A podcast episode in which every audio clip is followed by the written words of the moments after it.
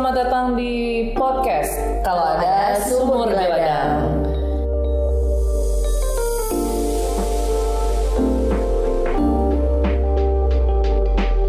Gue Kenya Rinoce, Creative Director dari Dupadi ID. Gue Rifda Amalia. Kita akan menghost podcast ini dari Drupa di ID. Oke, pertanyaan perkenalannya mungkin biar nggak mainstream, gue mau nanya kayaknya dulu nih. Mm-mm. Coba sebutkan tiga interest lo supaya orang-orang bisa mengenal lo lebih dekat.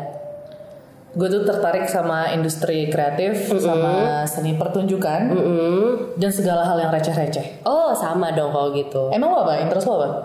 Iya gue juga anaknya receh. Kalau gue eh, interest gue di seni aktivisme, kuratorial sama museum. Sekarang ya, interest kan selalu berubah nggak sih kakak? Iya benar-benar dulu kita zaman kuliah oh ya jadi dulu kita berdua ketemu pas lagi di FSRD ITB Iya.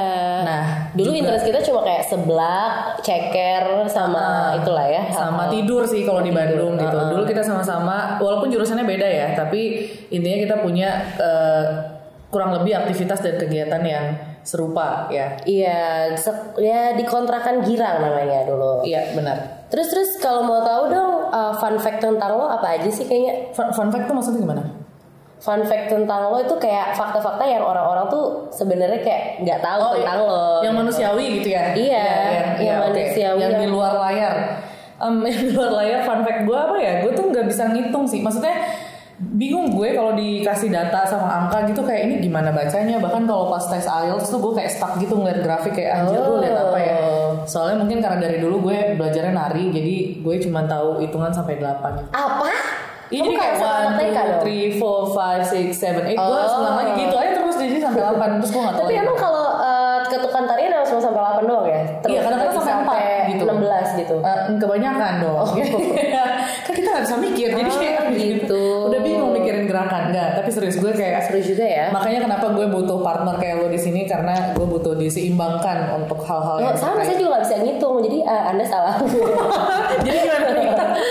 Aduh, ya udah mungkin uh, di bidang lainnya apalagi yang uh, sebenarnya apa sih yang nggak orang-orang tahu tentang kayaknya kayaknya kan tuh kayaknya kayak bisa melakukan segala hal. Oh gila gila gila. Apa sih yang lo nggak bisa di dunia ini coba? Yang nggak bisa itu adalah em, itu. Jadi kalau di rumah gue tuh kasur-kasur tuh mepet sama dinding, Hmm. kan. Nah terus kerjanya pasti gue harus gantiin spray tuh. Jadi kalau sambil nyapu lo harus gantiin spray. Nah gue bingung tuh caranya bagaimana supaya si ujung kiri atas tuh bisa nempel. Jadi spray gue Terus apa yang lo lakukan untuk itu? ya ditutupin bantal. Oh kamu memang suka uh, menutupi masalah ya? Iya, Dari lubang tutup lubang. Bener. Yang penting kelihatannya dari luar rapi aja. Kalau mbaknya gimana nih fun fact-nya?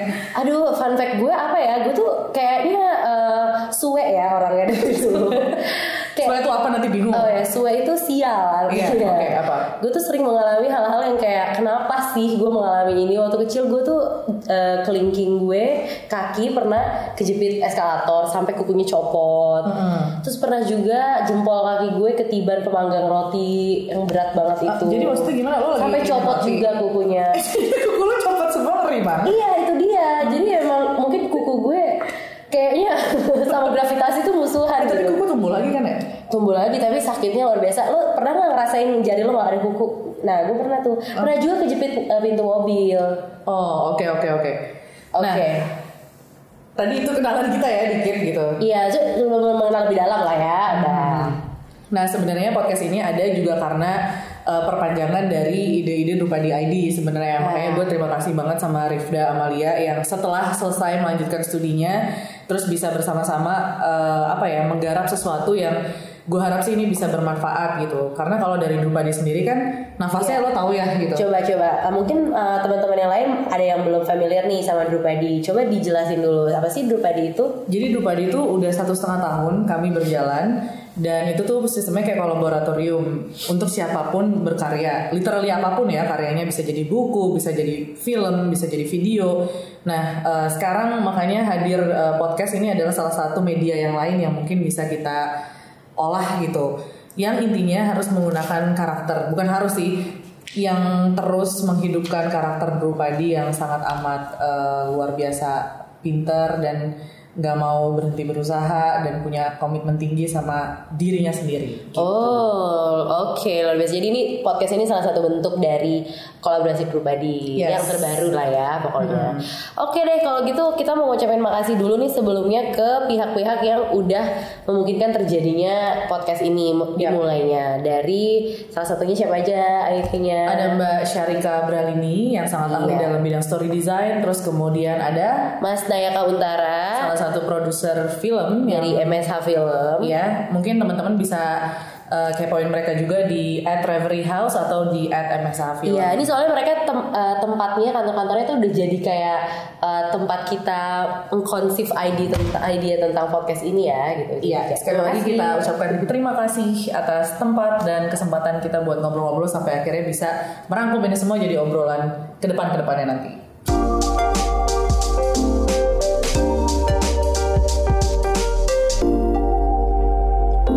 Sebenarnya apa sih itu kalau ada sumur di ladang? Nah, itu apa tuh? Pantun setahu gue itu. Sebenarnya eh, podcast kita ini berupa undangan terbuka untuk merayakan tradisi oral history di Indonesia dalam lingkup seni budaya. Nah, tapi kita fokusnya nanti akan eh, ada tiga hal. Yang pertama apa kayaknya? Yang pertama tuh uh, mengenai sejarah atau sebenarnya berangkat dari mana sih karya tersebut? Karena gini, kalau di gue nih, kalau misalnya datang gitu menyaksikan sebuah karya atau terlibat dalam sebuah karya atau bahkan ketika berkarya, gue pasti selalu pengen tahu gue dapat inspirasi dari mana atau gue ter, eh, ter apa ya tercerahkan dari dari sebuah kejadian apa. Nah itu biasanya gue mempelajari sejarah atau misalkan gue lihat karya-karya sebelumnya gitu. Ya nggak sih lo ngerasa hal yang sama nggak? Iya benar banget.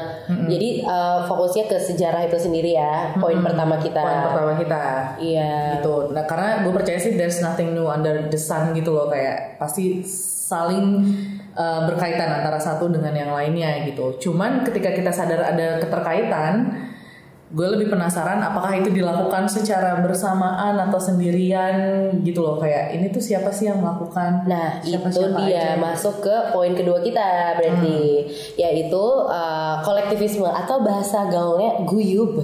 Gitu. Oh. Baik. Iya, jadi maksudnya tuh kayak uh, gimana sih seniman-seniman ini berinteraksi dengan uh, orang di sekitarnya? Gimana sih uh, spirit-spirit komunal di Indonesia menginspirasi seniman atau justru mendukung karir mereka tuh kayak gimana? Dan uh, bagaimana sih hasil partisipasi mereka uh, dengan orang-orang yang di Ya, luar seni kebayang, gitu menghasilkan karya-karya yang seperti apa di Indonesia? Tapi gitu. ya maksudnya dan kita berbicara guyub nggak cuman eh, ketika karya itu berlangsung ya, tapi prosesnya yang di balik layar, di depan layar atau di antara layar-layar tersebut, Yep. kita penasaran banget gitu sampai karya itu benar-benar bisa ada gitu. Karena kaitannya dengan banyak orang tadi gitu, itu juga penasaran tuh. Karena kan orang tuh benar-benar berbagai ragam, berbagai bentuk, berbagai pemahaman, iya nggak sih? Kayak Ya, nah jadi itu masuk ke poin kita ketiga, yaitu adalah inklusivitas. Ya. Itu. Jadi sebenarnya inklusivitas itu eh, yang mau kita bahas tuh kayak gimana sih seni tuh bisa menjadikan eh, apa ya, meneruskan eh, conversation atau dialog di satu topik antara golongan-golongan yang berbeda. Jadi menginklusi semua orang di perbincangan ini. Ya nggak sih menurut lo Iya. itu penting gak sih? Kayak penting penting banget penting banget jadi eh, sebenarnya tiga hal itu saling berkaitan banget ya kayak nggak bisa dipisahkan gitu loh ketika kita bicara sejarah pasti tidak dilakukan oleh sendirian gitu misalkan atau misalkan ketika kita bicara tidak sendirian berarti ada beberapa macam orang dalam satu pergerakan itu jadi maksudnya em, kita berbagi sesuatu yang berkaitan atau mungkin kita bisa berbicara satu itu eh, masing-masing gitu ya cuman intinya kita bagi itu lewat cerita lewat obrolan ya karena kalau kita tahu eh, di kita tuh ada namanya tradisi lisan, budaya lisan atau adat lisan. Lo pernah Iya. dengar itu kan ya? Ya, oral history, oral history lah ya. Kalau di apa namanya eh, bahasa gampangnya, karena kita tuh tahu hal tuh dari mulut ke mulut gitu. Iya, turun temurun dari satu generasi ke generasi berikutnya. Yang biasanya tuh mereka ucapin lewat pidato, nyanyian, atau pantun. Makanya tadi kita judulnya kalau ada sumur di ladang. Nah sebenarnya dengan cara-cara ini memungkinkan suatu masyarakat dapat menyampaikan sejarah mereka, hukum mereka, pengetahuan ke generasi selanjutnya Yes. tanpa melibatkan bahasa yang misalnya kita lihat tulisan atau gambar gitu. Iya, nah makanya podcast ini jadi salah satu usaha kita untuk melanjutkan si uh, tradisi uh, oral itu, oral history itu. Benar-benar. Jadi kita bisa sekaligus mengingat bahwa kita tuh bertolak dari yang ada kalau kota Putu Wijaya. Da. Jadi Bertolak dari yang ada ya. kebiasaan kita, kepemilikan kita gitu. Jadi semoga podcast ini akan terus berapa ya beraksi di sesuatu yang sudah kita miliki semenjak lama. Ya, dan juga uh, menurut gue nih apa ya, uh, jadi usaha-usaha untuk mendobrak uh, batasan antara seni dan masyarakat juga sih kayak kenapa sih kalau dengerin diskusi tentang seni rupa biasanya orang cuma maunya mungkin taunya dari galeri doang atau di museum doang Ah, gitu. nah, benar. Nah ini juga usaha kita untuk menginclude semua orang di perbincangan mengenai seni rupa dan hal-hal di sekitarnya. Nah dari situ kita bisa jawab bahwa ini tuh bisa terjadi di mana saja dan kapan saja ya? Iya, mau sambil uh, pasang spray kayak lo Iya, gitu, atau mau sambil Ah, ya asal jangan kejatuhan manggung roti aja nanti Iya. terkesima dengan suara kita gitu kan. Hmm, sambil kesakitan dengan suara kita tambah sakit. Tapi itu sebuah seni sih. Mencari kuku kan kayak. Ya, mungkin gitu. Tapi beneran deh, semoga podcast ini bisa didengarkan oleh entah lo bisnismen, entah lo dokter, entah lo apa pun. Kita pengennya semua bisa eh, berpartisipasi di obrolan kita ini. Nah sebenarnya ya kalau misalkan kenapa sih harus bikin beginian gitu? Kenapa sih harus eh, berbagi lewat podcast? Kalau dari gue sih kepikirannya banyak banget eh, presentasi atau isu-isu yang mengkaitkan dengan Indonesia di tahun 2045 bagaimana kita generasi pemuda yang demografinya luar biasa besar akan berdampak pada eh, Indonesia di masa itu gitu. Nah, kalau yang gue pernah denger sih, lo pernah denger yang 4.0 dan segala macam itu nggak? Iya, itu kan lagi di mana-mana banget ya. Semua orang bahas nih kayaknya. Nah, tapi ada beberapa hal yang bagi beberapa orang, kayaknya nggak bagi beberapa orang sih, gue sepakat sih. Ada beberapa hal yang tidak bisa digantikan dengan robot. Ya, bisa, yaitu misalnya kan kayak critical thinking atau kemampuan kita berpikir secara kritis, Ya, atau emotional intelligence gitu. Mm-mm. Nah, karena gue sangat buruk dengan angka dan sesuatu yang sifatnya teknologi, kayaknya gue lebih interest dan gue rasa gue punya kapasitas untuk bisa eh, mengisi yang bagian-bagian ini. Ya nggak sih kayak critical thinking, kritis. Iya benar, terutama maksudnya memang dari seni dan budaya Iya, iya. kadang-kadang apa ya dengan kemajuan-kemajuan di bidang infrastruktur, Iya, di bidang pengentasan kemikis- kemiskinan atau pembangunan-pembangunan yang udah sangat super duper terjadi di mana-mana, kadang-kadang apa ya seni budaya tuh jadi kayak oase gitu loh. Kayak kenapa sih kita melakukan yang kita lakukan? Kenapa sih eh, seniman eh, merefleksikan zaman kita tuh seperti apa kayak gitu? Kadang tuh suka terlupakan. Juga menurut gue kayak kalau gue pribadi ya concernnya karena Ada WhatsApp tuh pak mau aduh maaf ya aku biasa Uh-uh. ada yang order. Heeh. Terus Jadi eh, aku tuh ngerasa kayak kita tuh sekarang udah generasi yang sebenarnya mulai dimanjakan nih dengan banyaknya eh, tontonan-tontonan yang ya udahlah kita nggak perlu mikir lagi kayak Netflix di mana-mana udah YouTube jadi kadang tuh nggak apa-apa lanjutin lanjutin. Jadi tuh kayak uh, critical thinkingnya sendiri tuh jadi um, jarang gitu ya terasah maksudnya memang kalau di sekolah tapi kayak tontonan-tontonan yang menumbuhkan juga banyak gitu. Jadi mungkin lewat perbincangan-perbincangan ini kita uh, berusaha menginvolve teman-teman juga untuk berpikir uh, kenapa sih emangnya yang kita katakan ini benar? Emang emang ini semena-mena benar gitu. Kalau kita bilang A gitu apakah jadi kita mengundang conversation itu gitu ke teman-teman. sebenarnya mencari keseimbangan sih di kalau misalkan empat hal yang mesti difokusin kalau gue pernah nggak salah baca dan nggak salah ingat adalah tentang kualitas manusianya terus kemudian tentang infrastruktur kemudian bagaimana kita harus bisa bikin itu profesional alias tidak korupsi dan segala macam integrity ya kayaknya kaitannya sama yang terakhir itu tentang kebijakan pemerintah Nah, yang tiga sisanya itu eh, pasti ada teman-teman kita yang menguasai bidang itu gitu.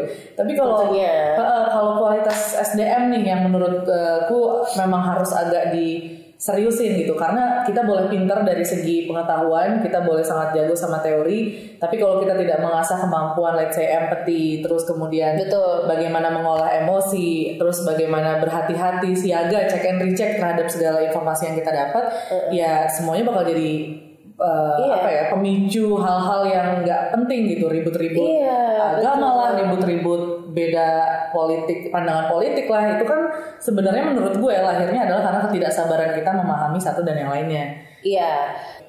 Jadi sebenarnya em, kenapa kita milih kalau ada sumur di ladang? Waktu itu karena juga kita terinspirasi dari eh, analogi sumur nih sebagai wadah yang eh, kayak kecil sebenarnya tapi goes deep dan memungkinkan air untuk diakses menjadi sumber kehidupan. Nah, menurut gue tuh sama kayak eh, ilmu pengetahuan atau eh, seni budaya apa pun yang ada di sekitar itu banyak banget nggak mungkin semuanya kita kita ambil. Yang bisa kita ambil paling cuma segenggam tangan doang gitu. Yes. kayak kayak sumur ini paling yang bisa kita ambil ya seember seember dulu nih. Iya. dan itulah yang bisa kita gunakan untuk eh, berusaha memahami dunia di sekitar kita atau memahami orang-orang di sekitar kita. Mm-mm, dan sebenarnya gue sangat suka ada kata kalau Iya. bolehlah kita. Maksudnya tawaran-tawarannya tuh terdengar sangat optimis dan apa ya menurut gue kayak kita diajak untuk uh, berpartisipasi sih maksudnya kan kayak kalau ada sumur dana boleh kita menumpang mandi maksudnya kayak Iya. kayak ada rasa untuk